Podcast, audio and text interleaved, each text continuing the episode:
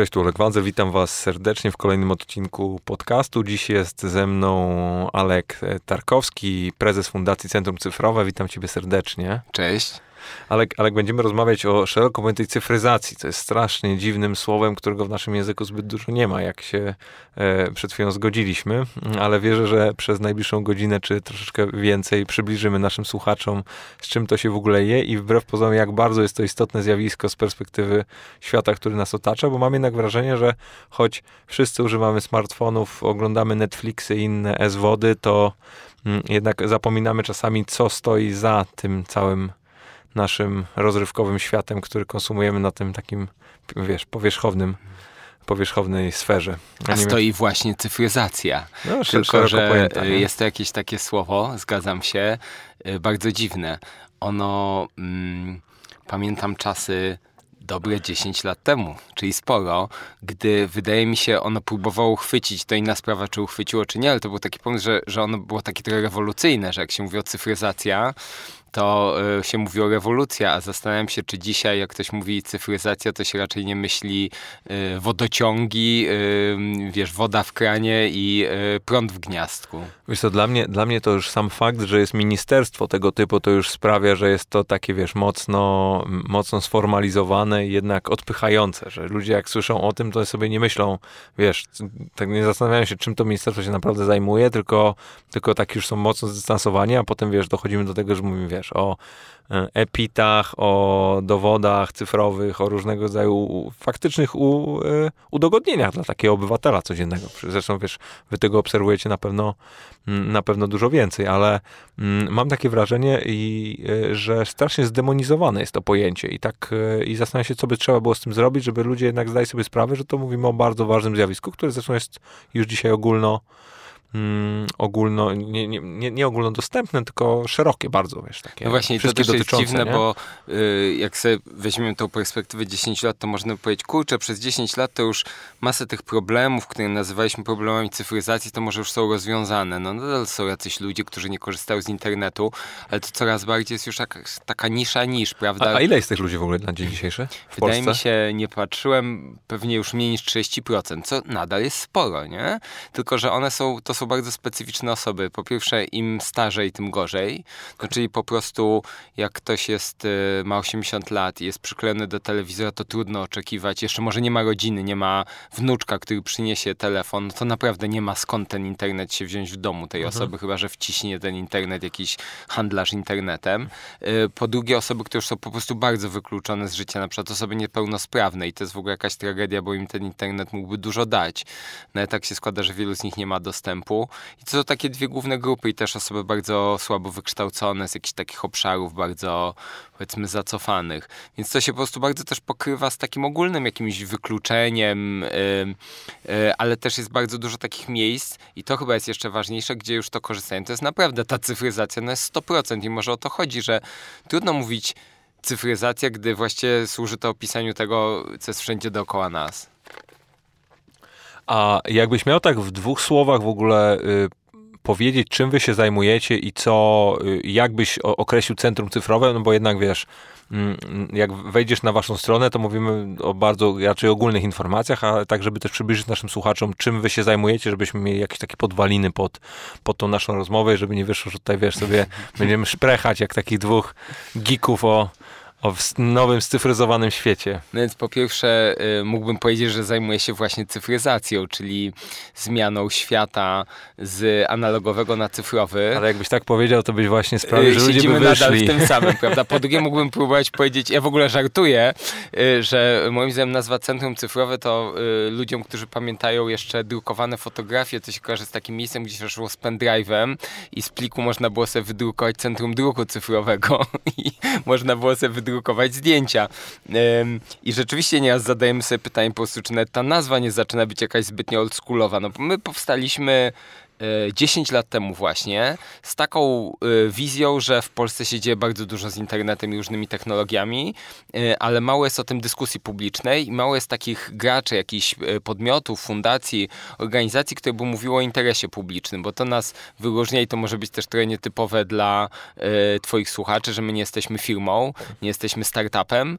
Może nieraz próbujemy funkcjonować jak startup, ale nawet chyba nie za często, tylko obracamy się w takim świecie jak właśnie instytucje publiczne, Ministerstwo Cyfryzacji, szkoły, muzea, e, cały świat publiczny, bo uważam, że tam jest bardzo duża robota do zrobienia, no właśnie, którą na koniec pewnie najprościej nazwać cyfryzacją. A co to znaczy? Ja się zgadzam, że to nie jest fajne słowo, bo ono tak kiedyś chyba myśleliśmy, że weźmiemy jakieś miejsce, włożymy do niego internet yy, i wszystko się zmieni na lepsze. Dziś wiemy, że możemy włożyć gdzieś umownie internet i mogą się wydarzyć bardzo różne rzeczy, dobre, złe, więc pytanie jest, jaka jest jakaś nadrzędna wartość i my sobie za taką wartość przyjęliśmy otwartość.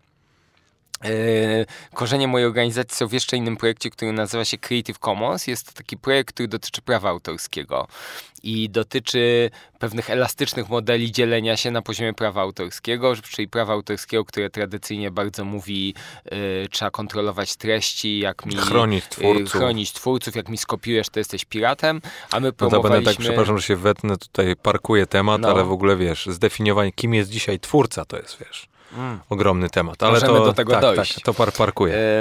No a my mówiliśmy, są sytuacje, w których są ludzie, są organizacje, które nie mają takich ciśnień, nie mówią jesteś piratem, nie mówią ochrona twórców, tylko mówią wiem, że to jest moja własność intelektualna, chcę się tym podzielić.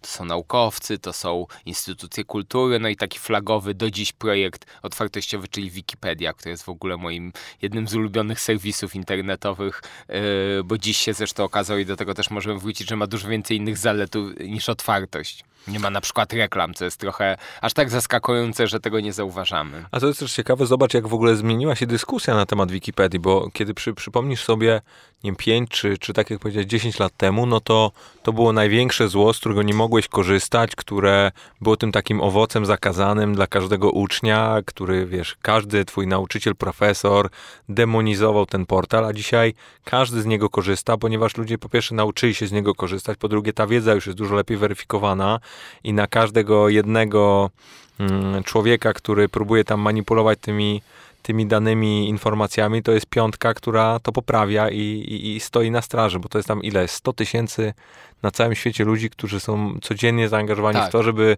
dbać o jakość właśnie Wikipedii. W sensie strasznie to budujące. ja w ogóle uważam, że jest to jeden z takich znaczy w ogóle jest dużo niesamowitych projektów, które dzięki internetowi angażują ludzi. I one są poważne i niepoważne, tak? No więc mamy i Wikipedię i mamy, moim zdaniem, równie ważne, nie wiem, jakieś świata, światy fandomu, gdzie fani po prostu się zbierają wokół jakiejś treści, nie wiem, piszą własne opowiadania. I to wszystko ma jedną wielką wartość, że zbliża ludzi do siebie. Ale z Wikipedią to jest trochę wracając do tej cyfryzacji, wiesz, bo rzeczywiście dużo się zmieniło nadal byś się zdziwił, jak wiele osób starej daty, po prostu jak pójdziesz do jakichś profesorów na uczelnię, to by już się wydawało, że oni naprawdę y, sami tej Wikipedii się dość naoglądali i raczej już nie zdejmują spółek encyklopedii PWN, a oni nadal jak przyjdzie co do czego będą opowiadać te same gadki o jakości, o braku zaufania. No ale dobrze, trudno. Ale drugi problem jest taki, że właśnie, i to jest problem z całą cyfryzacją, jednak jakoś tego słowa się trzymam, choć możemy mówić digital, że że to, że się ludzie do tego przyzwyczają, to też nie jest dobre, bo ten, o, o, o te cyfryzowanie trzeba dbać. To jest to, co my się staramy robić w fundacji. Ono, ono może pójść w złym kierunku, ono może być głupie, ono może szkodzić ludziom, ono może niczemu nie służyć, mimo tego, że opowiadamy sobie historię, że ogólnie technologie są fajne. Yy, I na przykład problem Wikipedii jest taki, no, że rzeczywiście jest dzisiaj tych nie wiem, 100 czy kilkaset tysięcy osób, którzy ją redagują, ale ci ludzie mogą się wypalić. I pytanie, czy pojawią się nowe pokolenia, nie? To nie jest oczywiste, że kolejne jakieś e, lata wchodzą, dzieci, dzieciaki kończą liceum e, i z tych, którzy e, klikają w Wikipedię, zaczynają być tymi, którzy piszą. I jak nie, nie pomyślimy, tak? Jak sobie nie powiemy, że mamy takie zadanie, tylko sobie powiemy, wszystko jest w porządku, no to będzie nie najlepiej. Wiesz co, to w ogóle jest bardzo ciekawe. Ja nie, nie myślałem o tym w ogóle w takim stopniu, ale jak sobie weźmiemy to dzisiejsze pokolenie Z, czy nawet takich późniejszych milenialsów, czytaj mnie i tam trochę osoby młodsze, no to mówimy o osobach, które raczej już rodziły się z internetem albo wychowywały się, były bardzo młode, kiedy ten internet zaczął być tam mainstreamowy. I bardzo, y, a, a co też trzeba podkreślić, u zarania internetu stało to właśnie współdzielenie, współpraca, pewnego rodzaju kolektywizm. I internet może iść do przodu tylko wtedy, kiedy właśnie to za tym stoi. I teraz pytanie, czy mm, dzisiejsi ludzie, którzy no, z tym internetem się urodzili, którzy nie znają tego świata bez, czy będą gotowi o ten internet walczyć? No właśnie, bo ja z kolei jestem starszy od ciebie i się dowiedziałem niedawno, że jestem z takiego mikropokolenia, które ktoś nazwał Xenials, że ono jest między Xenials, X a Millennials. Kompletnie bez sensu nazwa, ale ją wyróżnia jedną rzecz, że my jesteśmy dokładnie tymi, którzy jak dorośli, to właśnie się pojawił internet. I to jest, oczywiście mnie to po prostu nobilituje, ja sobie myślę, że jaki jestem wyjątkowy, ale jest w tym coś ciekawego, tak, to doświadczenie, że ja pamiętam, kurde, czasy kaset magnetofonowych y, i kaset wideo, ty pewnie też jeszcze troszkę, Ja prawda? się, wiesz, tam mm, w, ostatnio byłem w domu, w domu rodzinnym, takim, w którym się wychowywałem dobre, dobre 15 lat temu i właśnie wpadłem na jakieś stare VHS-y, tego typu historie, więc Giants Ale już umówmy się, osoby młodsze, nie wiem, pewnie z 7 lat, to już w ogóle nie jest ich historia. nie, na pewno nie. E, A osoby młodsze, powiedzmy dzisiejsze 18-latki, to nawet ten internet się zmienił. I to jest właśnie ciekawe i może to jest fajnie powiedzieć sobie, że to słowo cyfryzacja jest też głupie, bo y, przesłania fakt, że te, te cyfrowe może znaczyć bardzo różne rzeczy. I ten internet, który ja na przykład pamiętam, mogę opowiedzieć taką historię, że jak miałem e, dwadzieścia kilka lat, to poszedłem pracować do czegoś, co by się nazywało teraz startupem e, i pracowałem jako jeden z wczesnych pracowników w firmie Gemius, która dzisiaj jest takim Mm. e, dosyć albo bardzo prężną instytucją, prawda? e, Badawczą. badawczą. No i, i to były takie czasy, gdy gdy ja miałem kontakt z jakimś zupełnie innym internetem, prawda? I to mi się tak skleiło, że pamiętam te czasy, że na przykład na rozmowie kwalifikacyjnej rozmawialiśmy o Google'u. I to było pytanie testowe, na ile ja jestem scyfryzowany, czy ja wiem, co to jest Google. A to co bo- był, który? 2000, no, 2001? 99 Okej. może, prawda? No dało się jeszcze go nie znać i właśnie dlatego lubię tą historię opowiadać, że dzisiaj Gemius jest dużą firmą, a nie startupem. No a Google to już w ogóle y, nie ma kogo pytać, prawda, o to, co to jest Google, bo jest to jakieś kompletnie absurdalne pytanie. Ale też poruszam tego Google'a, bo myślę, że właśnie dla młodszych y, jeszcze od ciebie osób, to w ogóle ten świat internetowy, w którym żyją, y, jest zupełnie innym światem niż mój. Gdy ja byłem młody, to pojawiło się pytanie, czy ja jestem gotów kopiować filmy i muzykę, prawda? I nie udawajmy, że tego nie robiliśmy, bo robił to prawie każdy na mniejszą lub większą skalę, a dzisiaj takiego tematu na przykład właściwie już nie ma. Ale zobacz, to dlatego, że bo ja, to, to była moja taka teza, z którą zawsze się byłem gotowy się kłócić po prostu całymi wieczorami. Ja zawsze mówiłem, że ludzie chcieli, oczywiście zawsze mówiłem mając lat 15, więc to też miejmy z tyłu głowy, o jakiej poziomie retoryki mówimy, Mhm. ale mm, ludzie chcą wygody, ludzie chcą wygody, ludzie chcą szybkiego dostępu i ja byłem przekonany, jak pojawiły się wszystkie Spotify, YouTube i inne serwisy streamingowe, które dawały ci dużo większy dostęp za relatywnie niskie pieniądze, takie, gdzie ta bariera wejścia nie jest y, deal breakerem z perspektywy no, przysłowiowego Kowalskiego, to, to nagle ten, ten odsetek ludzi, którzy piracą muzykę czy piracą filmy, no spadnie diametralnie, Mhm. ponieważ mm, ta, ta wygoda się diametralnie zmieni. I, no i mamy przykład, że wprost, propor- w tym przypadku odwrotnie proporcjonalnie e, do wzrostu Spotify'a e, spada, spada liczba piraconych po prostu Totalnie, muzyki. I, I to pokazuje, że to nie jest kwestia tego, że ludzie chcą piracić, to ludzie są źli, tylko ludzie chcą wygody i model jest zły.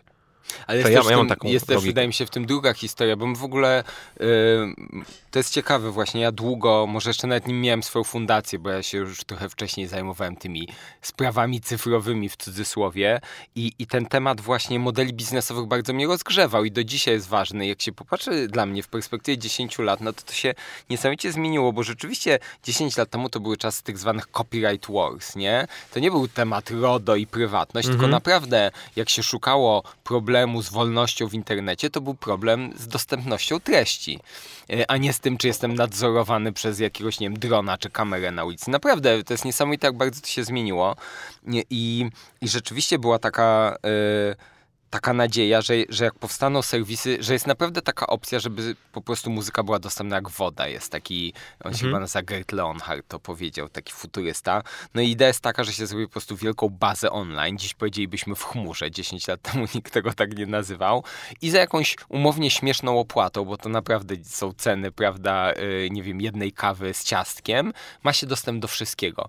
I to było przedstawiane przez takich naprawdę bardzo do przodu ludzi i bojowników o sprawę jako idealne rozwiązanie. No i tak, to nie jest rozwiązanie złe, jest bardzo fajne, wygoda jest, ale jak się popatrzy znów na dyskusję o muzyce, to mało kto twierdzi, że jest idealnie, bo się okazało, że te serwisy streamingowe swoje wady też mają. Po stronie użytkownika ciężko to skopiować i udostępnić komuś, kto nie ma konta. Yy, No trochę się da, ale to firma decyduje ile możesz, więc trochę tej wolności znów brak. Wiesz co, zauważyłem, że to jest bardzo ciekawe, że wszystkie te takie futurystyczne wizje zazwyczaj zakładają powstawanie monopoli różnego rodzaju. Znaczy, bo trudno też oczywiście mówić o monopolu w kontekście, jeżeli on jest na przykład kolegialnie zarządzany, tak? Tak. Jeżeli ta, ta władza jest zdecentralizowana, jak na przykład nie wiem, w przypadku bitcoinów, tak? Mm, No ale, ale tutaj mówimy o sytuacji, w której musiałby powstać faktycznie literalnie jeden ten serwis, który byłby zunifikowany, do którego każdy miałby dostęp i te warunki byłyby dla wszystkich dokładnie takie same. No i tak, i to pewnie by było nie najfajniejsze, ale to, co jest dzisiaj, to też uważam jest właśnie jeden z mankamentów świata streamingu, że nagle odkrywamy, że żeby mieć dostęp do wszystkiego, to tych kont trzeba mieć pięć, e, może niedługo 10, jak wejdzie. No to pewnie bardziej w filmie, nie? Bo w, e, muzy- no w w filmie muzyce tak. jest W troszeczkę... muzyce rzeczywiście to się nie ma tych e, aż takiej, to prawda, tak. Ale to wiesz, w muzyce wynika z kolei z tego, że mm, duże wytwórnie muzyczne, może poza JMZ, który w przypadku Tidala tam zastrzegł swoje, mm, swoje utwory, tam Mhm. Beyoncé, Kanye Westa i tak dalej, czyli te, do których jego wytwórnia miała prawa, to, to nie było takiego przykładu, żeby któryś z serwisów streamingowych nie miał dostępu do jakiejś muzyki. Raczej to było mocno takie, w sensie, wiesz, użytkownik to mógł sobie wybrać serwis i kon- konkurowałeś raczej, nie wiem, interfejsem, jakością obsługi, może jakimiś takimi warunkami brzegowymi typu miałeś 3 miesiące za darmo, a tam jest 6 miesięcy Mhm. za darmo, a nie konkurowałeś contentem. Teraz na poziomie tych wideo streamingów, no to, to faktycznie dzisiaj standardem jest mieć tam 3 albo 4. No i wiesz, bo w ogóle w tym wszystkim mm, ja się przyglądam dużo modelom biznesowym, a na koniec mnie interesuje użytkownik. I to jak pytasz mnie, czym my się zajmujemy, to my na koniec staramy się po prostu mówić głosem użytkowników w różnych sprawach, tak? No to będę nie mam pojęcia, czy odpowiedzieliśmy na to pytanie, ale już Na pytanie... czym się zajmujecie. Jeszcze to masz poczucie, że, że ci nie odpowiedziałem. Może Nie pod wiem. koniec y, nie, no, będziesz się miał takie wrażenie. Śmieję się oczywiście. Lećmy, lećmy. Nie, ale, mówisz, mówisz o, tej, o tej perspektywie tego użytkownika, no bo wiesz, py- pytanie, czego ten użytkownik dzisiaj według ciebie oczekuje? I to jest, wiesz, taki bardzo dziwna rzecz moim zdaniem w tym świecie cyfrowym, no bo mamy w ogóle całą kulturę e, wywodzącą się gdzieś od Steve'a Jobsa, która mówi, że użytkowników się nie pyta, czego on oczekuje, tylko się te oczekiwania i potrzeby im wytwarza, tak? I to było jego e, e, kultowe podejście, którym wszyscy w ogóle sobie myślą, jak tylko to skopiować. Użytkownik w tym 2000, nie wiem, który to był rok, jak się pojawiał iPod, pewnie nie chciał iPoda, bo nie umiał go sobie w ogóle wyobrazić, bo nie czuł, że ten streaming nadejdzie, nie wyobrażał sobie, że utwory można kupować na sztuki, a nie na płytach, nie? I to jest, yy, ym, i, i, to jest chyba taka duża zagadka, bo jedno z naszych działek to jest zajmowanie się, to znów te, wiesz, terminologia, którą pokazujesz mi, jak ona jest straszna, no to się nazywa kompetencje cyfrowe. Jakbym miał to nazwać fajnie, to powiedział, co umiem zrobić dzięki internetowi, albo czego mogę się nauczyć z YouTube'a. No ale jest takie hasło, wiesz, i ono jest bardzo ważne też dla biznesu, bo te y, y, takie suche słowa kompetencje cyfrowe to jest pytanie o to, czy na przykład będziemy mieli świetnych informatyków, którzy będą pracować w polskich startupach, e, w polskich software house'ach i tak dalej. I Ja bym w ogóle powiedział, w jaki sposób, y, tak dopowiedział, przepraszam, No. w jaki sposób możemy wykorzystać internet do tego, żeby poprawiać nasze kompetencje, bo to jest, tak, wiesz, my, my, my, my tworzymy firmę, czy współtworzę firmę, która zatrudnia bardzo wiele osób, które montować, y, robić zdjęcia, obrabiać te zdjęcia, czy, czy produkować różnego za- rodzaju materiały, nauczyła się z YouTube'a albo z różnych innych for internetowych, nie?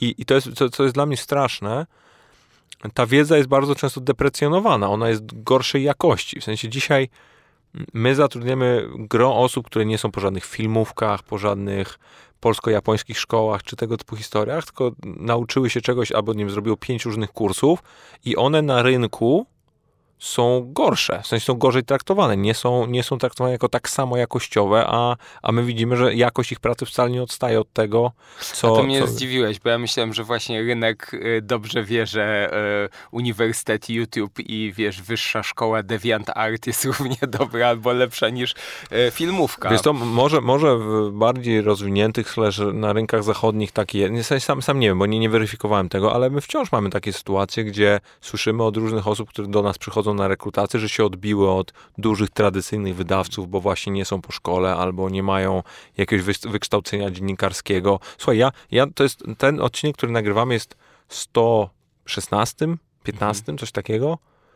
Mm, ja nie mam żadnego doświadczenia dziennikarskiego. Jakby ktoś mi powiedział, wiesz, 10 lat temu, że ja będę rozmowy przeprowadzał i one będą pararadiowe i mogły być traktowane w kategoriach jakiejś tam audycji, która jest przez ileś tam tysięcy ludzi słuchana, no to taki, wiesz, mój potencjalny profesor dziennikarstwa to by się za głowę złapał. Mhm. I tu się pojawiają dwa wątki bardzo mi bliskie w naszej fundacji. No jedna to jest właśnie, bo to wszystko można nazwać edukacją i to jest taka historia, że jak patrzę na to po 10 latach, to ja nieraz nie wiem, czy to nie jest taki, wiesz, bój... Yy jak to się mówi, no taki po prostu z góry skazany na niepowodzenie, e, bo to, czym się między innymi zajmujemy, to próbą spowodowania, że ten system edukacji jest bardziej cyfrowy.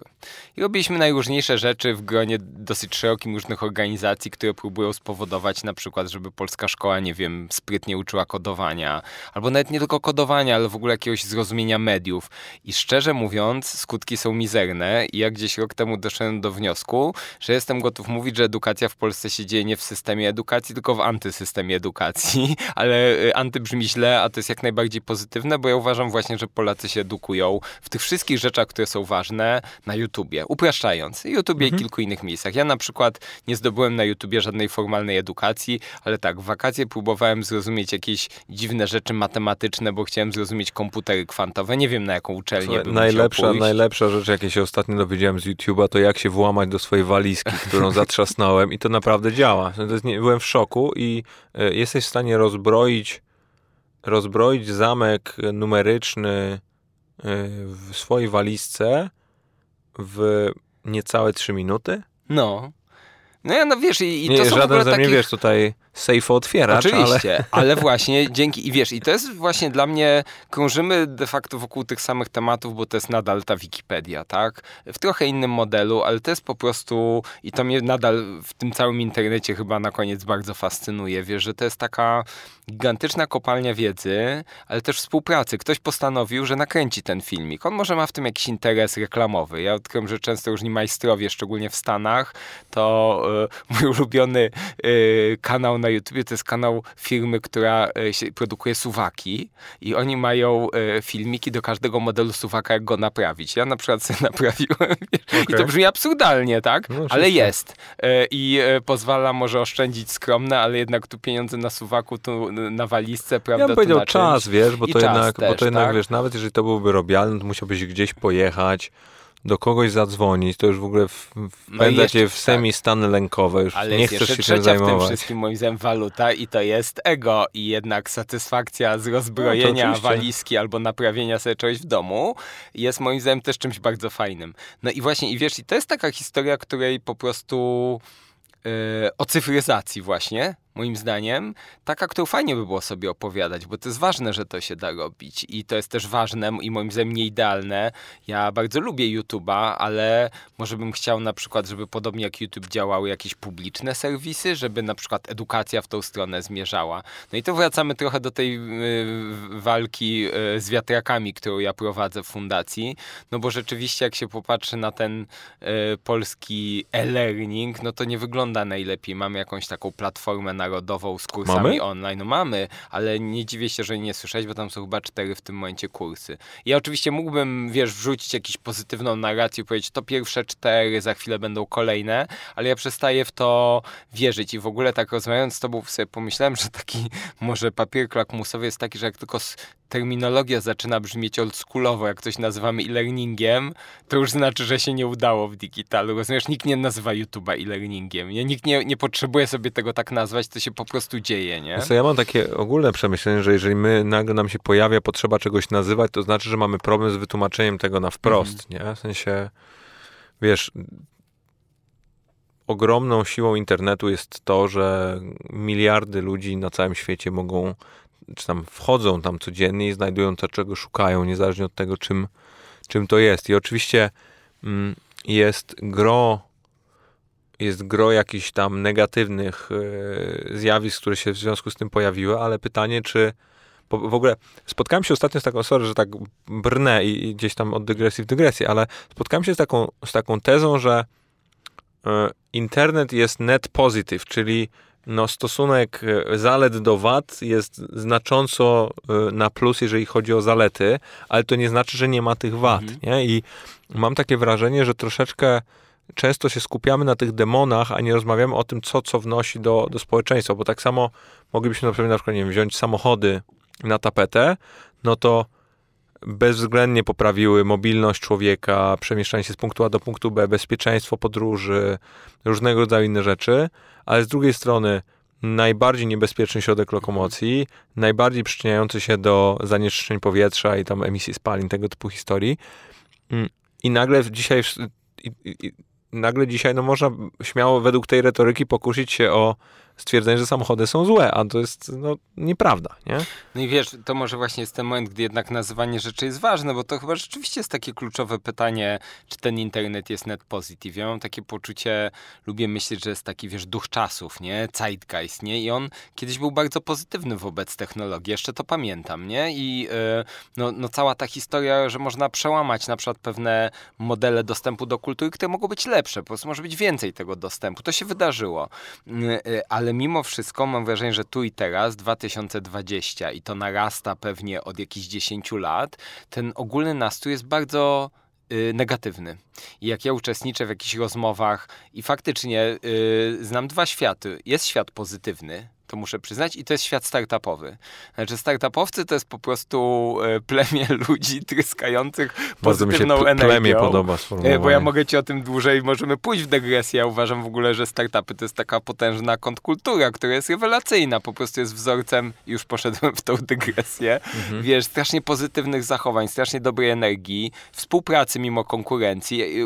Uważam, że można się uczyć od tego. Biznes inny się może uczyć. Właśnie, chciałem powiedzieć, że to jest takie funkcjonowanie w tym środowisku startupowym sprawia, że jesteś kompletnie innym typem biznesmena, w sensie mm-hmm. innym typem przedsiębiorcy. Nie ma wciąż według mnie dobrego polskiego słowa odpowiadającego temu, bo przedsiębiorstwa, przedsiębiorca brzmi tak mrocznie, mm, a biznesmen z kolei sugeruje, że to musi być coś dużego. Mm-hmm.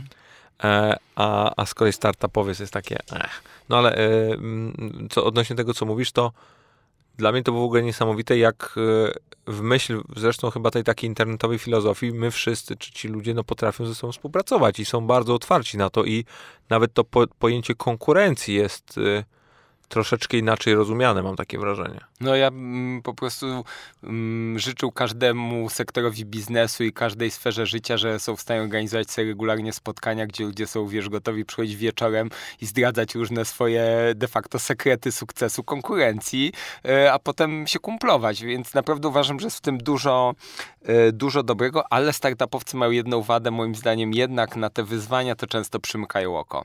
E, I wydaje mi się, że to w ogóle jest dłuższa historia edukacji, wiesz, że to na przykład są ludzie z backgroundem często y, jakimś takim informatycznym, gdzie nikt im w ogóle o tych rzeczach nie opowiada. Wiesz, że oni gdzieś się nauczyli znów może bardziej z YouTube'a niż z jakiejś szkoły przemysłu i biznesu, jak robić biznesy, albo uczą się tego po prostu od siebie y, i znają dobrze technologię i mają takie poczucie, że można z technologią robić super rzeczy, bo można, no ale pytanie, czy są wyczuleni, bo, bo to jest dziś... A może o jakimś takim aspekcie etycznym? No na przykład, to, to jest dzisiaj to używane słowo, tak, którego ja za często nie używam, ale to jest pewnie tutaj wytrych się bardzo dużo mówi o etyce i mam wrażenie, że zresztą mało kto wie, co to znaczy. Jest modnie mówić, że trzeba dbać o etykę, a na koniec co to znaczy? No tak, o jakieś takie y, troska o to, co się może wydarzyć. Y, jest oczywiście dużo biznesu, który pewnie, wiesz, y, nie generuje takich problemów, y, jak się, nie wiem, jest jakimś małym y, e-commerce'em, ale dosyć szybko, moim zdaniem, już można robić jakieś rzeczy, gdzie jest dobre pytanie, tak? Jak to wpłynie na najróżniejsze rzeczy, nie wiem, na sytuację twoich pracowników, na środowisko właśnie, prawda? I, e, I ja bym trochę chciał, bo ja z kolei uważam, że takie czarnowictwo to nas nigdzie nie prowadzi. No, no możemy rzeczywiście sobie opowiadać, że ten internet był dobry, a jest zły, no i co z tego? Ja bym chciał szukać rozwiązań. I, e, no i, ale, ale punktem wyjścia musi być jakieś zrozumienie, że jest problem i zadanie sobie pytania, jak go naprawić. To mi się wydaje jest, jest strasznie, strasznie trudne dzisiaj.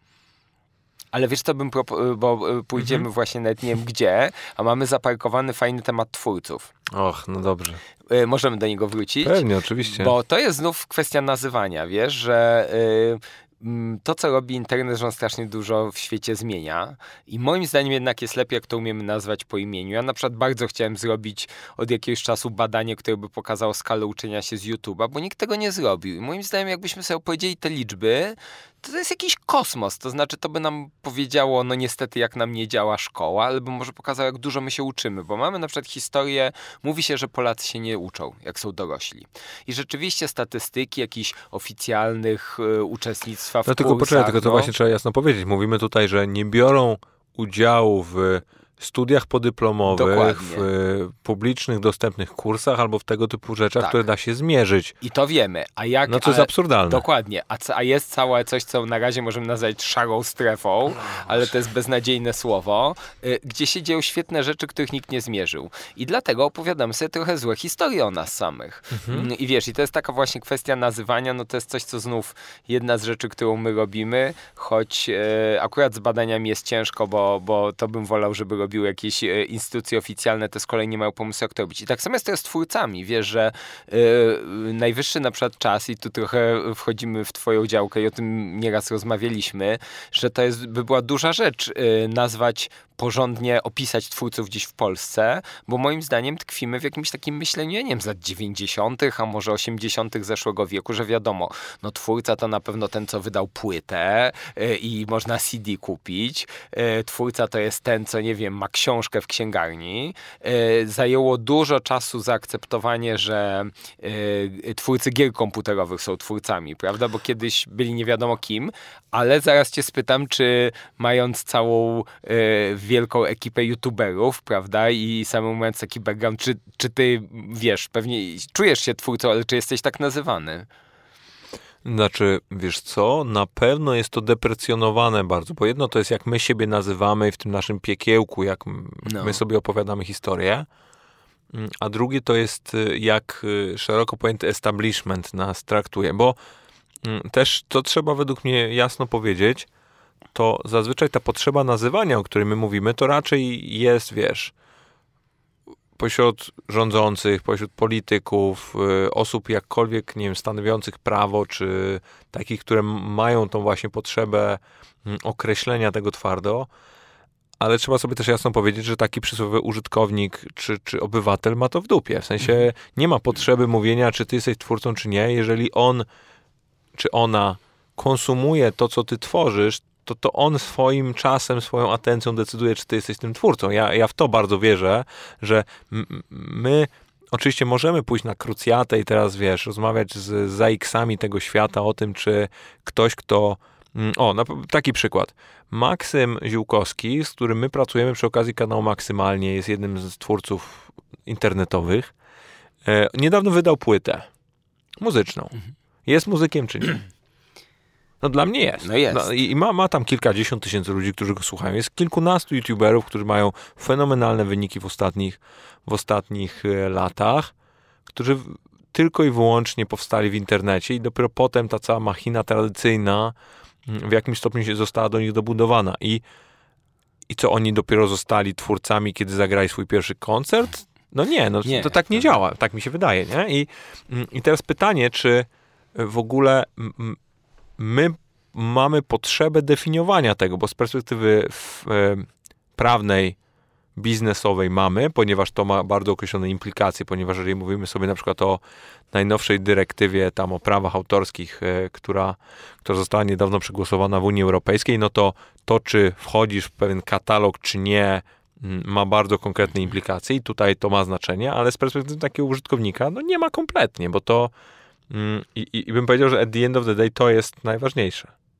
No to jest ciekawe, bo znów moja perspektywa jest taka, że ja postanowiłem zajmować się tym oldschoolowym poziomem, tym poziomem przepisów. E, nie, I bo wiem, żeby że też było jasne, on jest mega ważny. On nie? jest, no właśnie, prawda, bo on jest ważny, choć wiem, że mm, można też myślę, bez kłopotu argumentować, że on jest na przykład mało ważny albo mniej ważny. Y, z jednego już jak rozmawiamy o twórcach internetowych, to tutaj mm, warto to wprost powiedzieć. No jest y, oczywista taka kwestia dzisiaj, że moim zdaniem na przykład na takiego dzisiaj twórcy na YouTubie, czy nie wiem, na TikToku, zasady działania tego systemu, czyli regulaminy, ale też w ogóle kształt tego, tego, tego serwisu prawdopodobnie są dużo ważniejsze od jakichkolwiek przepisów yy, i tych umownych, yy, nie wiem, jakichś ZAX-ów wypłacających opłaty, bo oni na przykład w ogóle nie z tego źródła czerpią pieniądze.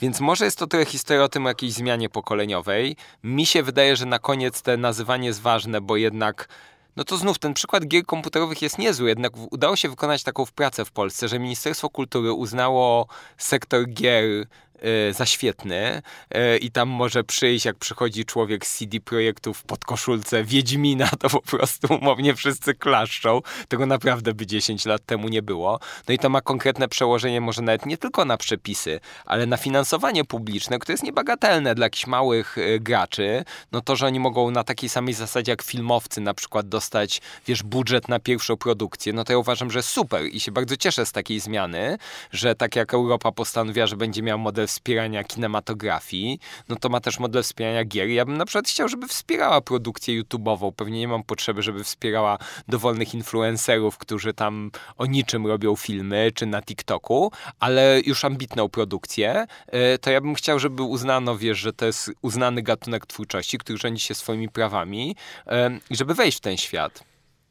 No bo inaczej to to wszystko trochę zostanie e, w rękach no właśnie, bo, bo, bo to są te rzeczy, o które w cyfryzacji użytkownicy się nie martwią, może powinni. Jednak na przykład takie rzeczy jak finansowanie jest bardzo ważne, prawda? I to dobrze wiesz. I ono może być z bardzo różnych źródeł, ale myślę, że było fajnie jakby no po prostu uznać te nowe kategorie twórców, tak mi się wydaje. Nie, to to, to, to, to na pewno raczej... Yy Wiesz, ja już też zrozumiałem, patrząc trochę na ten świat z takiego, wiesz, tylnego siedzenia, bo, bo jednak, no tak to trzeba powiedzieć, my nie jesteśmy frontrunnerem na mhm. tym, wiesz, w tym, w, tym, w tym ruchu, to widać bezpośrednie przełożenie tego, gdzie jest duży biznes mediowy albo oparty o jakieś tam twórczości, a gdzie są największe okopy i bariery związane z tym, jak, y, jak no, podchodzić do danego tematu, tak? No ponieważ trzeba też sobie jasno powiedzieć, że wszelkiego rodzaju te potrzeby definiowania czy redefiniowania wynikają z tego, że nagle podmiotom filmowym, muzycznym, teatralnym, jakimkolwiek, nie wiem, kinowym, tak, jakbyśmy sobie tego nie nazwali, która konkretnie by to grupa nie była, książkowym, o, jest mhm. ogromny temat, nie? Mm, wyrosło, wiesz, tak gdzieś z, wiesz, z tyłu jaki, taki ogromna narośl, mhm. która nagle już jest większa od tego wszystkiego tak. i, i nagle jest, wiesz, mówimy sobie o tym takim zjawisku user-generated content i teraz, wiesz, pytanie, czy, czy każdy taki użytkownik, który robi tego więcej, jest tym twórcą? Bo dla mnie ten człowiek, który ma na YouTubie swój kanał, na którym wrzuca techniki wędkarskie i pokazuje swoje jakieś tam typy przynęt i tworzy jakieś tam niszowe medium, jest twórcą. On za chwilę wyda książkę na ten temat, którą sprzeda w mm, self-publishingu za pomocą Amazona, nie wiem, czy jakiegokolwiek innego serwisu. E, dostanie finansowanie poprzez Kickstartera albo Patreona, albo Patronite'a, cokolwiek. I nagle masz, wiesz, gatunek człowieka, no, nową grupę ludzi, którzy utrzymują się z czego? No dla mnie ze swojej twórczości. Mhm. No tak to chyba trzeba nazwać, no z jakichś owoców swojej pracy. Tak, tu ja oczywiście bym, wiesz, bardzo chętnie podrążył i się dowiedział, jaka jest tego skala, bo mam taką wątpliwość, na przykład patrząc na Patronite'a, że to jest, wiesz, taki klasyczny ten wykres, gdzie jest y, taki szybko idzie w górę, e, hockey, hockey, hockey stick. stick. kilka osób po prostu, wow, tam bracia Sekielscy, prawda, no niesamowita historia y, autonomii po prostu, bo miesięcznie im ludzie płacą, zdaje się, 350 tysięcy, ale podejrzewam, że już dziesiąta osoba na tej liście zarabia, y, wiesz, kilkadziesiąt tysięcy, a dwudziesta już zarabia kilka. I... Wiesz co, znaczy w, w, internecie na pewno zawsze ten, ten, ten model funkcjonuje i ten long tail jest, no. tylko teraz pytanie, jaka jest uśredniona wartość tego long taila, ponieważ ja jestem w stanie sobie wyobrazić, że jeżeli my będziemy mieli y, te, nie, nie wiem, czy to są te liczby, ale Mhm. mamy serwis y, crowdfundingowy. Mamy tam 100 tysięcy twórców, czy 100 tysięcy osób, które chcą być wsparte. No to nawet jeżeli sobie przyjmiemy, że ta dystrybucja jest tak zrobiona, że masz 1% ludzi, którzy zgarniają 99% wartości, to nawet jeżeli ta wartość będzie, to jeżeli ta wartość będzie na tyle wysoka, żeby ci ludzie mogli z tego mieć faktyczny, sensowny jakiś przychód na bazie miesięcznej, to to i tak jest korzystne, ponieważ wyobraź sobie, no jesteś matką, która jest na urlopie macierzyńskim, siedzi w domu, y, no nie pracuje, musi, szuka sobie zajęcia, bo szczególnie na pewnym etapie to jest bardzo taki konkretny e, moment, w którym chcesz się aktywizować. No i masz jakiegoś rodzaju produkt, czy masz jakiegoś rodzaju swoją twórczość, nie wiem, podcast, y, wideo na YouTubie, piszesz jakieś poradniki, e-booki, cokolwiek i masz osoby, które łącznie się składają tam 150 osób, zrzuca się na kwotę 1200 zł, to to może być 30% on top twojego dochodu, No tak. szczególnie w Polsce. I uważam, że takich case'ów jest dużo. Tylko to jest na przykład taki moment, i nie wiem, może się ze mną nie zgodzisz, że właśnie ja bym nie zostawił wszystkiego rynkowi, tu się robi kontrowersyjnie może Okej, trochę okej, dla no, no, no. słuchaczy, bo wiesz, bo, bo widzę takie niedociągnięcia tego modelu. Na przykład trochę znam świat, też bardzo ciekawy moim zdaniem, designerów. Wiesz, polski mały design niesamowicie istnieje z jednej strony dzięki internetowi i serwisom takim jak, nie wiem, Pakamera, no, O, i właśnie, Etsy tak dalej, e, nie? ale też są polskie, jak Pakamera, ym, targi rzeczy ładnych. No i właśnie ciekawe, internet plus kilka podmiotów, którzy zostali tymi takimi, wiesz, kluczowymi e, rozgrywającymi w tym świecie. I na tyle, na ile ja wiem, jak to działa, nie ma, nie ma oczywiście żadnych badań, ale wszystko wskazuje na to, że ci designerzy to długo nie ciągną. To znaczy jest naprawdę trudno na małą skalę dorobić się na produkcji czegokolwiek, od rzeczy papierowych przez ubrania po, nie wiem, nawet meble, chyba, że masz jakiś hit. Hit jak masz, to zawsze będzie dobrze, prawda? Są polskie firmy odzieżowe, które odpaliły, bo nie wiem, mają dużo fajnych znajomych albo kontakty w mediach. No a na koniec ci, co sobie świetnie radzą, to są te platformy. I to jest w ogóle gdzieś historia nie o internecie, nie wiem, czy chcemy w nią wchodzić, że najlepiej jest być platformą. Czyli najlepiej być tym, który pośredniczy między dwoma grupami. Tu mamy Ładne, kupujących ładne jest sformułowanie marketplace, Yy, tak? tak, marketplace'y są super, bo yy, ci designerzy mogą się pojawiać i znikać, a marketplace ma się dobrze. I ja bym chciał znów wracając do tych twórców i tych moich zainteresowań Wikipedią i tym tworzeniem, trochę zadbać, żeby też działał yy, ten, ten, ten świat właśnie, czy to jest twórca taki oddolny umowny, amatorski, bo wydaje mi się, że im ich będzie więcej, tym będzie lepiej. I na przykład y, to jest kwestia moim zdaniem trochę tego, że może musimy sobie y, wykreować trochę większą kulturę y, płacenia im. I tu ludzie, którzy mnie znają sprzed lat, aż się zdziwią, bo jestem człowiekiem, który długo chodził, mówił wolna kultura, y, treści za darmo. No taka pewien aha moment, który przeżyłem jest taki, że ten te moje projekty bardzo mało sobie zadawały pytania, jak coś jest finansowane. I finansowanie nie przeszkadza w otwartości, tak? Znaczy znów, y, bracia Sekielcy właśnie dlatego, że mieli finansowanie, wrzucili film na YouTube i się nie zajmowali żadnymi dealami sponsorskimi, koprodukcją, dofinansowaniem, po prostu sprawa była załatwiona, ale była załatwiona dlatego, że były pieniądze. I to mi się wydaje taki newralgiczny moment. Pytanie jest takie, czy dość użytkowników dzisiaj płaci? I prawdopodobnie jest odpowiedź nie, no nie płacą, bo się bardzo przyzwyczailiśmy do kultury, że jest za darmo, którą ja z jednej strony uwielbiam, yy, a z drugiej strony staram się w sobie uruchamiać takie myślenie, yy, te rzeczy za darmo to zazwyczaj są te masowe rzeczy, a na przykład jak chcę wesprzeć fajnych twórców, to idę na Bandcampa jednak dokładam trochę tych pieniędzy bardzo świadomie, yy, żeby kogoś wesprzeć i wydaje mi się, że musimy, wiesz, myśleć o takich nawykach. To jest, to jest temat rzeka ogólnie, bo mm, my mamy dzisiaj na przykład takie bardzo duże wyzwanie, które, które można by śmiało y, nazwać czy określić, ilu realnie naszych użytkowników, którzy oglądają nas za darmo, byłoby gotowym nam zapłacić. No i tutaj od sasa do lasa opinii jest 100 milionów, każdy ma pewnie inną i jedni z tej, z tej skrajnej strony mówią, jak coś dostałeś za darmo, to nigdy za to nie zapłacisz. Drudzy mówią, jak ciebie szanują, to zapłacą, nawet Mhm. jeżeli ty dostałeś wcześniej za darmo. I pewnie prawda gdzieś tu leży po środku i, i, i są modele, które można by gdzieś tam wypłaszczyć. Ale widzę, że i co też jest y, chyba takim największym w ogóle problemem znowu w definiowaniu tego, tego, tego tematu, slash bym powiedział nawet problemu, to jest to, że to nigdy nie było za darmo. Mhm. To jest kluczowe, w sensie to nie było tak, że ktoś wychodził na, na wiesz, y, skwerek i tam y, robił jakiś performance i, i, i robił to ku chwale ojczyzny, tak? Czy ku uciesze gawiedzi. E, tylko e, mówiliśmy tutaj o otwartych, broadcastowych platformach, które zarabiały y, no, miliony monet na sprzedawaniu naszej tożsamości. Tak, Więc to nie było za darmo. tak. I, I teraz pytanie, ja bym raczej tak postawił, w sensie postawił to pytanie, co jest dla ludzi bardziej wartościowe? Ich tożsamość, prywatność, dane yy, i to, co z tymi danymi się dzieje, czy 5, 10, 15 złotych czy dolarów? Według mnie to jest to pytanie.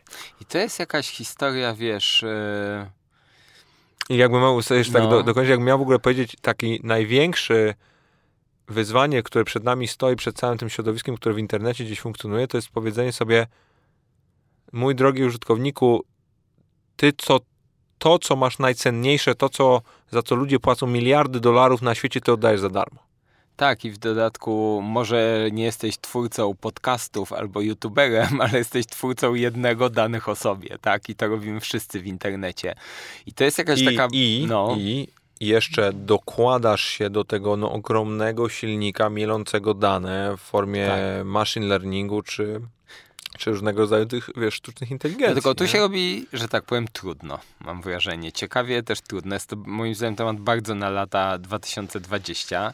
Przeczytałem, yy, teraz były ferie zimowe w Warszawie, więc miałem trochę więcej czasu i przeczytałem taką książkę Amy Webb, The Big Nine. Nie wiem, czy się pokazało. W Polsce to jest historia o rozwoju sztucznej inteligencji. Taka trochę fajna, amerykańska, taka popularno-naukowa książka, więc dosyć uproszczona. Jest to historia takiego wyścigu zbrojeń między Chinami i Ameryką ogólnie. I te Big Nine to jest sześć amerykańskich firm, I trzy i chińskie. trzy chińskie. Y, jasne jest, że Europa w, tym mody, w tej wizji w ogóle nie istnieje, jest jakimś przypisem. No i tam, ale to, co w tej książce było dla mnie najbardziej ciekawe, to, że ona mm, mm, niby jest to książka o sztucznej inteligencji, ona mówi, że najważniejsze nie są te maszyny od sztucznej inteligencji, tylko najważniejsze jest zarządzanie danymi przez nas. I ona mówi, że kluczową technologią nie będzie żadna sztuczna inteligencja, tylko jakieś narzędzie, taki portfel danych. I ona twierdzi, że one powstaną w jakiejś postaci, tylko albo my je będziemy mieć w kieszeni, albo one będą rejestrem w jakiejś korporacji, do którego my nawet nie możemy zajrzeć. Ale te, ten portfel gdzieś jest, prawda? On już się tworzy. To są dane, jakie maile wysłałeś, w co klikałeś, yy, prawda? No najróżniejsze. I to mi się wydało mega ciekawe i to jest w ogóle właśnie takie pytanie, czym Taki, się wiesz, zajmować. twój taki, wiesz, digital footprint, nie? Tak, tak, ona to tam nazywa personal digital coś tam jakiś, przepraszam, by było lepiej, jakbym pamiętał. Wallet. Wall, może coś takiego. No i to mi się wydaje, wiesz, bardzo y, ciekawe, gdzieś schodzimy na zupełnie inny obszar rozmowy od tej twórczości. Ciekawe w takim sensie, że ja nie wiem, co się z tym wydarzy autentycznie, wiesz, że, y, że bardzo trudno mi sobie wyobrazić, jak mielibyśmy odwrócić pewne trendy. Pamiętam już lata temu gdzieś tam uczestniczyliśmy w jakimś niewielkim badaniu, gdzie pytano ludzi, za ile by różne dane sprzedali, jak ludzie mówili, nie wiem, może teraz mają większą świadomość, a wtedy wychodziło, że ludzie średnio za tam kilkadziesiąt złotych mogą swoje dane medyczne sprzedać, jakby pod szpitalem stał akwizytor i mówił, dzień dobry, zgra mi pani tu z pendrive'a wszystkie swoje rentgeny, które na płytce pani proszę bardzo, tam za talon, wiesz, do, na napój. E, No jest to trochę szokujące, nie? I można oczywiście obstawiać wzrost świadomości, ale mi się wydaje, znów rozmawialiśmy o tym, ludzie nie chcą, żeby rzeczy były nazwane po imieniu, ludzie chcą, żeby rzeczy były wygodne, nie? I tu znów dochodzimy do jakiegoś bardzo dużego takiego tematu, że w Europie mamy, jest taki pomysł, żeby jednak trochę bardziej to wszystko regulować. Ja akurat jestem fanem takiego podejścia.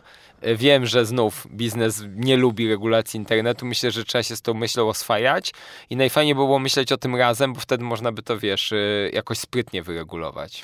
E, Parę miesięcy temu z Kasią Szymielewicz z Panoptykonu Mhm. na ten temat rozmawiałem i ona wtedy mm, powiedziała, że coraz częściej gdzieś tam jawi się wizja świata, w którym internet jest podzielony, czyli masz internet chiński, masz internet amerykański, Mhm. europejski.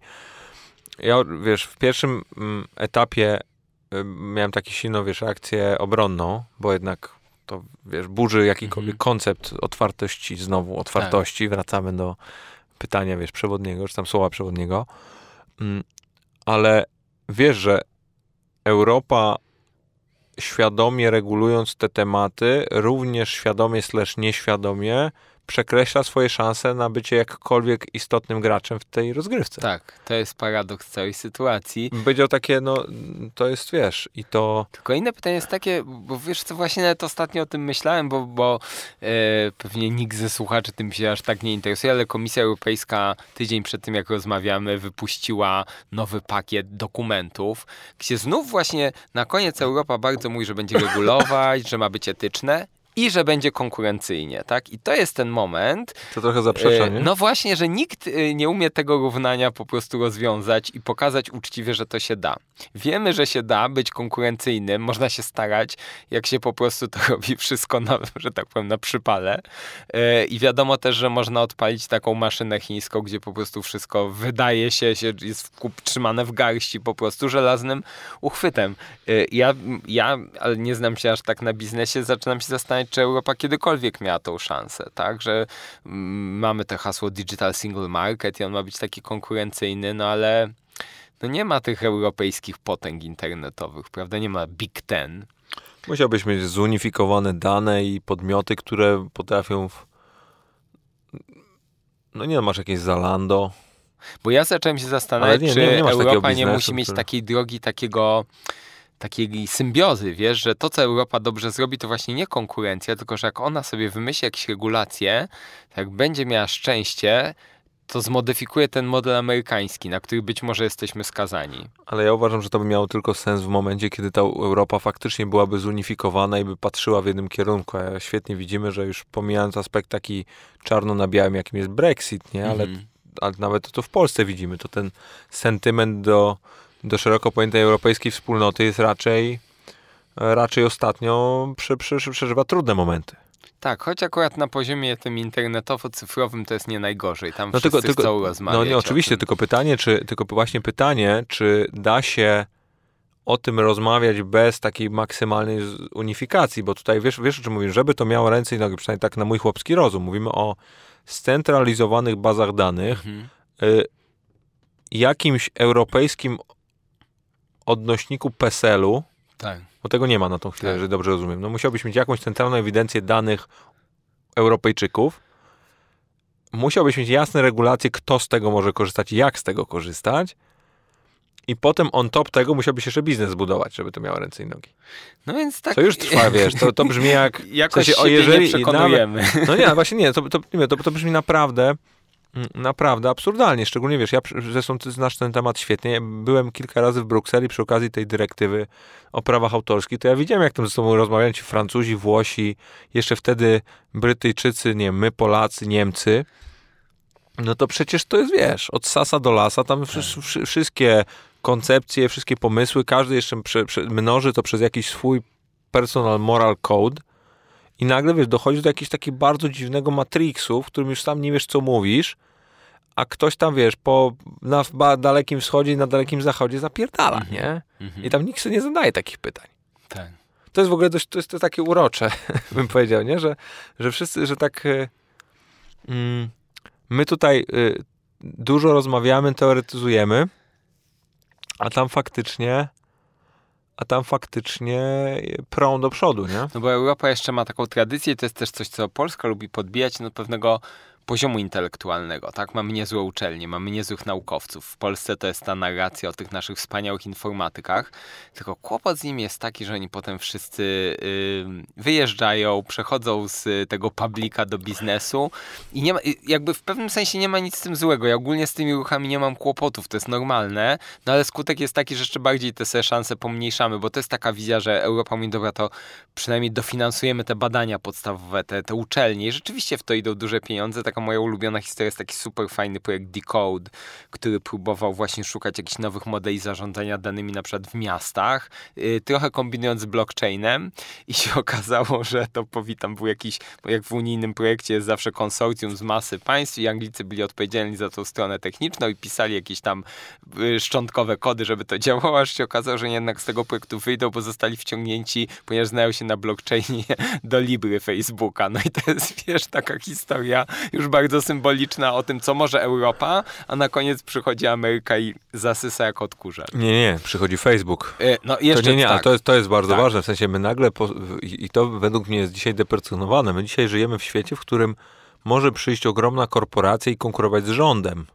Albo z zbiorem rządów. No to jest w ogóle taka, wiesz, yy, To jest- to wiesz, jak trochę sobie- mój konik. Jak sobie przypomnisz, wiesz, powstawanie internetu, ostatnio ś- fenomenalny wywiad słuchałem z Markiem e, Andreesenem, czyli założyciel, e, współtwórca najpierw wyszukiwarki Mosaic, potem Netscape'a i, i założyciel obecnie mm, funduszu Andreessen Horowitz, Mhm. no, największy inwestycje venture na, na świecie. I on właśnie opowiadał o tym, jak, jak te i, projekty badawcze były, w ogóle wówczas powstawały i przecież Mosaic był mm, z Instytutu Badawczego w Illinois w ogóle współfinansowany. Oni potem musieli zostawić ten kod, e, ponieważ on należał do państwa. Tak. E, i, I wtedy, no wtedy te wszystkie, to wszystko jest zbudowane na podwalinach jednak pieniędzy publicznych. Tak. W, tam wiesz, na, i na dużych zamówieniach rządowych, nie? Tam jakieś tam, tam DARPA i tak dalej, te wszystkie historie, nie? Aż tu nagle, e, aż tu nagle jesteśmy dzisiaj w sytuacji, w której wiesz, 10 podmiotów, które wyrosły na tym, na tym dofinansowaniu, dzisiaj no, mówią, jak ma być, nie? I to jest w ogóle, wiesz, te podmioty możemy sobie opisać jakimiś prostymi kategoriami. No dzisiaj na przykład bardzo dużo się o nich mówi jako o monopolistach, co pewnie jest prawdą. Y, Co ciekawe, trudno określić na jakim rynku oni są monopolistami, bo są na wszystkich, dokładnie. Ale, ale jest z nimi też trochę takich rzeczy, które się wymykają opisowi. Znaczy ja uważam, że w momencie, jak jest jakiś twór, do którego jest podpięte 2 miliony ludzi, dwa, a przepraszam, miliardy, tak, zabrakło 3 zer, no właśnie. To co to w ogóle znaczy? My oczywiście możemy mówić, że Dajmy- to jest dajmy serwis kontekst, dajmy kontekst, no, czyli- Facebook, czyli- tak, tak, czyli Już mamy chyba 2,5 Dwa- powoli. 2,5. E, czyli mamy, jest to 5 miliardów użytkowników internetu? No połowa, tak. No. Ale też jaka część ludzkości i możemy to oczywiście ich nazywać użytkownikami serwisu internetowego, którego właścicielem jest jakaś amerykańska korporacja. A moim zdaniem to jest powoli coś więcej. Facebook na przykład wykonuje w tym momencie bardzo dziwne, jak na siebie kroki, bo doszedł do wniosku, że musi stworzyć jakiś rodzaj systemu nadzoru zewnętrznego nad decyzjami dotyczącymi usuwania treści. Po prostu na tyle się z tym zrobiło zamieszania, że oni, y, krytycy mówią, że po prostu umywają się od odpowiedzialności. Mi się wydaje, że to nie o to chodzi. I wykonują na przykład takie ruchy, że naprawdę powołali osobne ciało, które ma prawnie zagwarantowaną niezależność, z- dofinansowane w dosyć dużym budżetem idącym w setki milionów dolarów. Zatrudnili do tego ciała ludzi z naprawdę niezłym takim backgroundem właśnie dbania o prawa, o przejrzystość. Więc oczywiście jak ktoś chce być krytykiem, to tam y, może opowiedzieć bardzo negatywną historię, ale ja ją trochę kupuję. Jest to historia o tym, że ten gigantyczny twór tworzy jakiś, ja nie wiem, niektórzy to porównują, że to jest taki jak, jak, jak konstytucja, prawda, że się powoływało, nie wiem, Sejm, sądy, to oni no, nie robią Sejmu i nie robią sądów, albo też nie są państwem, ale wyłania się coś takiego, co może za 100 lat będziemy po prostu, no będzie jakaś nowa forma, która nie wiem, czy jest dobra, czy zła, ale ona się wy, wyłania i to jest to dobrze, co wyłapałeś, także to właśnie pytanie, czy to jest istotne, czy to jest z Ameryki, nie, może ważniejsze, że to jest właśnie z tej platformy. Nie wiemy, może równie dobrze się okaże, że te platformy mają czas trwania 20 lat i jedne po drugim się kończą, bo wieją z nich użytkownicy. No tylko, że wiesz, jak jeszcze patrzysz na... To jest troszeczkę, to jest troszeczkę kazus mm, tych y, tradycyjnych spółek mediowych, które doszły do, do momentu, w którym na przykład tradycyjna telewizja wciąż generuje takie nadwyżki gotówki, że ty za tę gotówkę jesteś w stanie tak naprawdę kupić wszystko. Mhm. I, I dzisiaj Facebook, mając pierwsze jakiekolwiek w ogóle, wiesz, yy, tak zw- zwęż, zwę, że zwęszy, że jakkolwiek ich platforma przestaje być interesująca, no to co, oni wydali kilkadziesiąt miliardów dolarów na akwizycję Mhm. i, i, i no może TikToka nie kupią, ale, ale każdą następną wyrastającą platformę, która złapie jakąś trakcję, kupią i Mhm. co? No i będziemy mieli tego TikToka, który się tam dobuduje sobie te funkcjonalności za chwilę i, i Facebooka, który będzie migrował swoich użytkowników e, pomiędzy WhatsAppem, Instagramem i, i aplikacją Facebookową i tam Messengerem. I wiesz, i nagle, i nagle żyjemy w rzeczywistości, w której już nie, nie możesz być poza tym Facebookiem. Mhm. Już nie mówię poza aplikacją, tylko poza firmą. Nie jesteś w stanie być. Bo, No i jedne, co się może wydarzyć... musiałbyś przestać tak. korzystać z tych, z tych platform, które znowu czy są net positive, nie? Tak. Bo pewnie dla większości ludzi są. Dostarczają dzisiaj jakąś modernistyczną rozrywkę. No wiesz, wiedzę. to jest y, takie pytanie, że bardzo trudno, wydaje mi się, będąc w czasie zmiany ją zrozumieć, nie? I y, no na przykład y, mam kłopot znów jeszcze jeden temat, który możemy sobie wrzucić, wiesz, no to jest ile godzin siedzimy w, w, na Facebooku, albo inaczej mówiąc w komórce, tak? To się mówi jako dwie różne rzeczy. a Komórce w często ogóle. jest, a jak Dawno ty byś nie powiedział, już brzmi oldschoolowo, Bardzo. a jak byś powiedział? No nie, nie, nie ja, ja, ja, używam, ja, ja, ja, używam, ja używam nazw własnych zazwyczaj, mówię iPhone slash iPhone, Samsung, ale, ale, ale no nie, smartfon chyba, W nie? smartfonie może tak, dobra. W każdym razie Komórka wiesz... to jednak taka mocno, wiesz. I, I jest dużo, no jest, są jakieś wyraźne problemy na poziomie mózgu i neurologii, ale też jestem bardzo ostrożny z tym hasłem uzależnienie. No są zdaje się ludzie, którzy autentycznie przeginają, ale myślę sobie tak, w XX wieku było normą, że ludzie oglądali telewizję i nikt nie powiedział, że jesteśmy uzależnieni od telewizora, bo siedzimy w nim 2, 3, 4, 5 godzin dziennie. Dzisiaj może to wyglądać dziwacznie z tymi komórkami, smartfonami, ale pogódźmy się, to jest jakaś nowa cywilizacja i No ona oczywiście. będzie smartfonowa, tak? I, I jest tam do wyłapania moment, ten bardzo mi się podoba, taki ruch mindfulness i well-being i mam od kilku miesięcy budzik przy łóżku, a telefon się ładuje w kuchni i autentycznie sobie myślę, że jest w tym coś fajnego, ale potem ten telefon biorę dosyć szybko i doceniam, e, że jest moim po prostu kieszonkowym oknem na świat. to No, też mówię oldschoolowo. Mm, I wiesz, i, i, i właśnie zrozumienie, no ale jest taki element i, i e, tego mało się w Polsce dzieje, że, że znów wracam, ten świat musi być nazwany jakoś i opisany, bo on jest inny. My go sobie musimy ponazywać, ale wyłapywać też jakieś w nim takie trudniejsze momenty. Wracając jeszcze do tego Facebooka, no jest jedna siła, która okazuje się dosyć dobrze sobie radzi jednak z, e, z Facebookiem, to są jednak państwa. Znaczy wiesz, w Chinach e, nie ma różnych serwisów, chyba właśnie Facebooka nie ma. Rosja testowała w lecie tak zwane e, taktyczne odcięcie runetu, e, nie wchodząc w szczegóły, bo to nie chodzi o to, że oni po prostu blokują ruch, ale różne rzeczy robią ze swoją infrastrukturą, by docelowo móc na przykład odcinać serwisy tak na poziomie użytkownika, więc to się da robić. To jest pytanie właśnie, że y, skończyły się te czasy, że się mówiło, że internet jest niezależny i ten jest taki cytat kultowy, że internet traktuje każdą y, po prostu cenzurę jako korek, który sobie omija skutecznie. Nieprawda, no się da ba- bardzo dobrze internet wyłączyć w wielu miejscach na świecie się to dzieje i co gorsze jest to coraz więcej tych miejsc.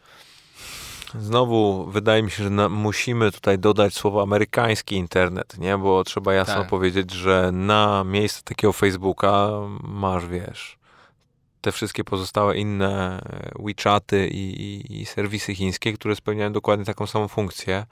Wręcz bym powiedział na porównywalną skalę ze względu na, na power, jaki, jaki populacyjny, który jest w tamtym regionie, nie? No pytanie, że fantazjując, nasuwa mi się myśl, czy jakby Polska postanowiła się odciąć, to czy byśmy nagle wszyscy korzystali, wiesz, z grono albo z naszej klasy.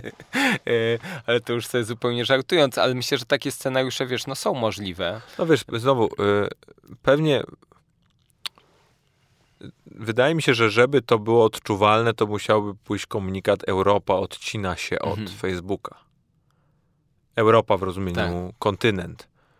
No i teraz wiesz, pytanie, bo jednak znowu, y, oni wiesz, to jest y, potwornie y, ciekawe, ciekawe z perspektywy takiego, jak bym powiedział, nawet społecznej, bo zobacz, jak oni w rozumieniu tych dużych podmiotów technologicznych bardzo dobrze okopali się w społeczeństwie na poziomie swoich usług, swoich narzędzi, że dzisiaj odcinając Facebooka mm, e, w danym regionie, szczególnie takim, którym on już jest rozwinięty, czyli nie tak jak w Chinach, gdzie Tak. Google i Facebook były raczkujące, na Facebooka chyba nawet nie było. Tak. Y, tylko mówimy tutaj już o tym, że stoją ekonomie na tym poszczególnych państw, to ty wiesz, walisz w miejsca pracy, walisz w możliwość komunikacyjne, mm, wiesz, czarnoziem, wieki No ciemne, tak, te sprawy, tak. nie? W sensie nasza firma, jak tutaj siedzimy, nie ma sensu, twoja firma pewnie nie ma sensu, Mhm. chyba żebyś tam tworzył nowy internet. Mhm. E, jakiejkolwiek digitalowa reklama nie ma sensu. Serwisy S-wodowe i te wszystkie e, podmioty tego typu gro swojej do, darmowej dystrybucji uzyskują poprzez platformy tego typu Mhm. i nagle wiesz, nagle to, to naprawdę zaczyna zbierać takie żniwo obszerne. Tak. Więc dlatego to jest pod tym względem gdzieś niesamowite, tak bym powiedział, strategicznie, że no dzisiaj trudno jest sobie wyobrazić, że ktokolwiek podejmie się tak radykalnego ruchu, bo jednak tak dużo krótkoterminowych yy, różnego rodzaju problemów by to na, namnożyło, nie? Ale wiesz, bo to jest też pytanie w drugą stronę, jaką władzę ma ten serwis. To są pewnie znane ci historie. No pamiętam na przykład w zeszłym roku Facebook coś tam postanowił bardziej wspierać, nie pamiętam już, y, posty od rodziny i bliskich i nagle, no ja pamiętam, że to akurat y, twórca aż dziennika opowiadał, że odnotował z dnia na dzień y, tam spadek y, 30% oglądalności. No to jest wielka władza, prawda? I ona nie dotyczy tylko mediów i serwisów satyrycznych, prawda? Tylko możemy sobie wyobrazić, to jest nawet, jak się mówi, że te serwisy są takimi monopolistami, to aż dziw, że one bardziej nie, y, nie kombinują. I to jest taki moment, w którym, dlatego to mi się wydaje taki ważny temat na tą dekadę i tu oczywiście są dwa głosy, jeden jest taki, Kasia Szymielewicz jest bardzo myśli, e, że to musi być mocna regulacja. Mi się wydaje, że w niektórych obszarach też, ale mamy jakąś taką intuicję właśnie, że, że gdy rozmawiamy, jak bardzo to jest nowy twór, że on też musi sam się uregulować. I to jest wielkie pytanie, to znaczy wiele ludzi nie chce ufać tym firmom, że one są w stanie pozytywnie się zorganizować. Ja bym chciał mieć taką nadzieję, że one też mają jakąś przestrzeń, e, że wywodząc się na przykład z jakichś amerykańskich tradycji, które są bardzo pozytywne, pozytywne, może inne miejscami od nas, na przykład z ich fascynacją wolnością słowa, która u nas nie jest aż tak wielka, ale jest jakoś dla nas zrozumiała, prawda?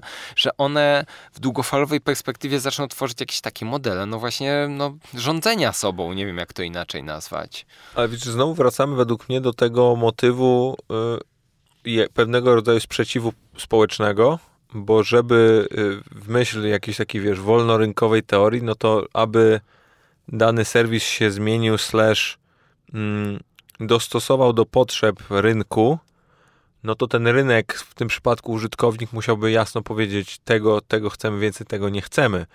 I znowu trochę wracamy do tego, że jednak użytkownik dzisiejszy naprawdę ma ogromną siłę. Mhm. Oczywiście nie sam jeden, ale jeżeli nagle powstanie ruch, którym powie ci, nie chcemy na Facebooku politycznej reklamy, to gwarantuję ci, że nie będzie mhm. tej politycznej reklamy. Po prostu do, do, to jest tak jak wiesz, z partiami politycznymi, do pewnego, do, dopóki nie masz bardzo silnego sprzeciwu społecznego, to będzie jechane. Tak.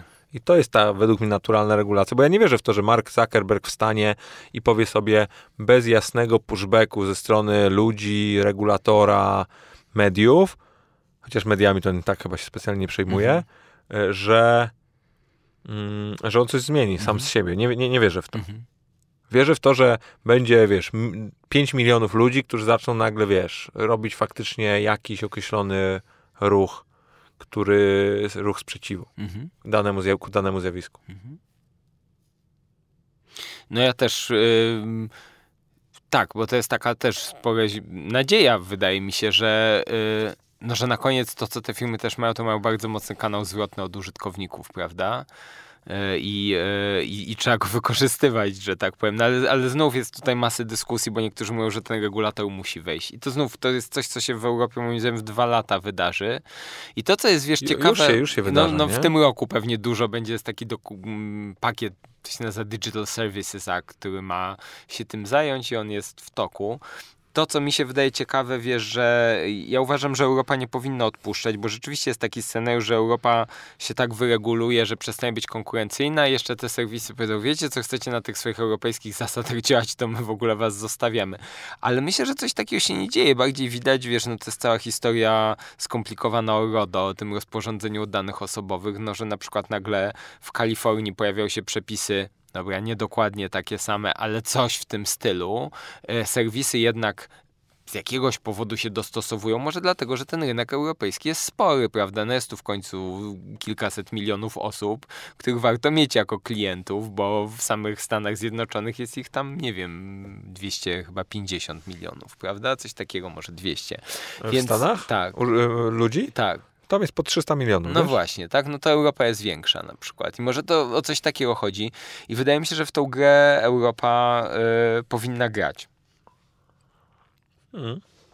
Ja wiesz, z jednej strony, ja, ja, ja, ja w to gdzieś wierzę, że dochodzimy do takiego momentu, w którym to już tak trochę okrzepło i możemy o tym rozmawiać już w miarę zebranymi doświadczeniami, jakąś wiedzą, widzimy te pozytywne wpływy, negatywne wpływy i możemy sobie o tym dyskutować.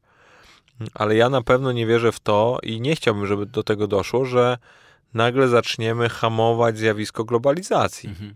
Bo uważam, że też ogromną wartością, szczególnie dla, dla dzisiejszego świata, takiego wiesz, młodych ludzi, jest to, że to my decydujemy o sobie, my decydujemy, gdzie jesteśmy, w jaki sposób żyjemy, jakim językiem mówimy.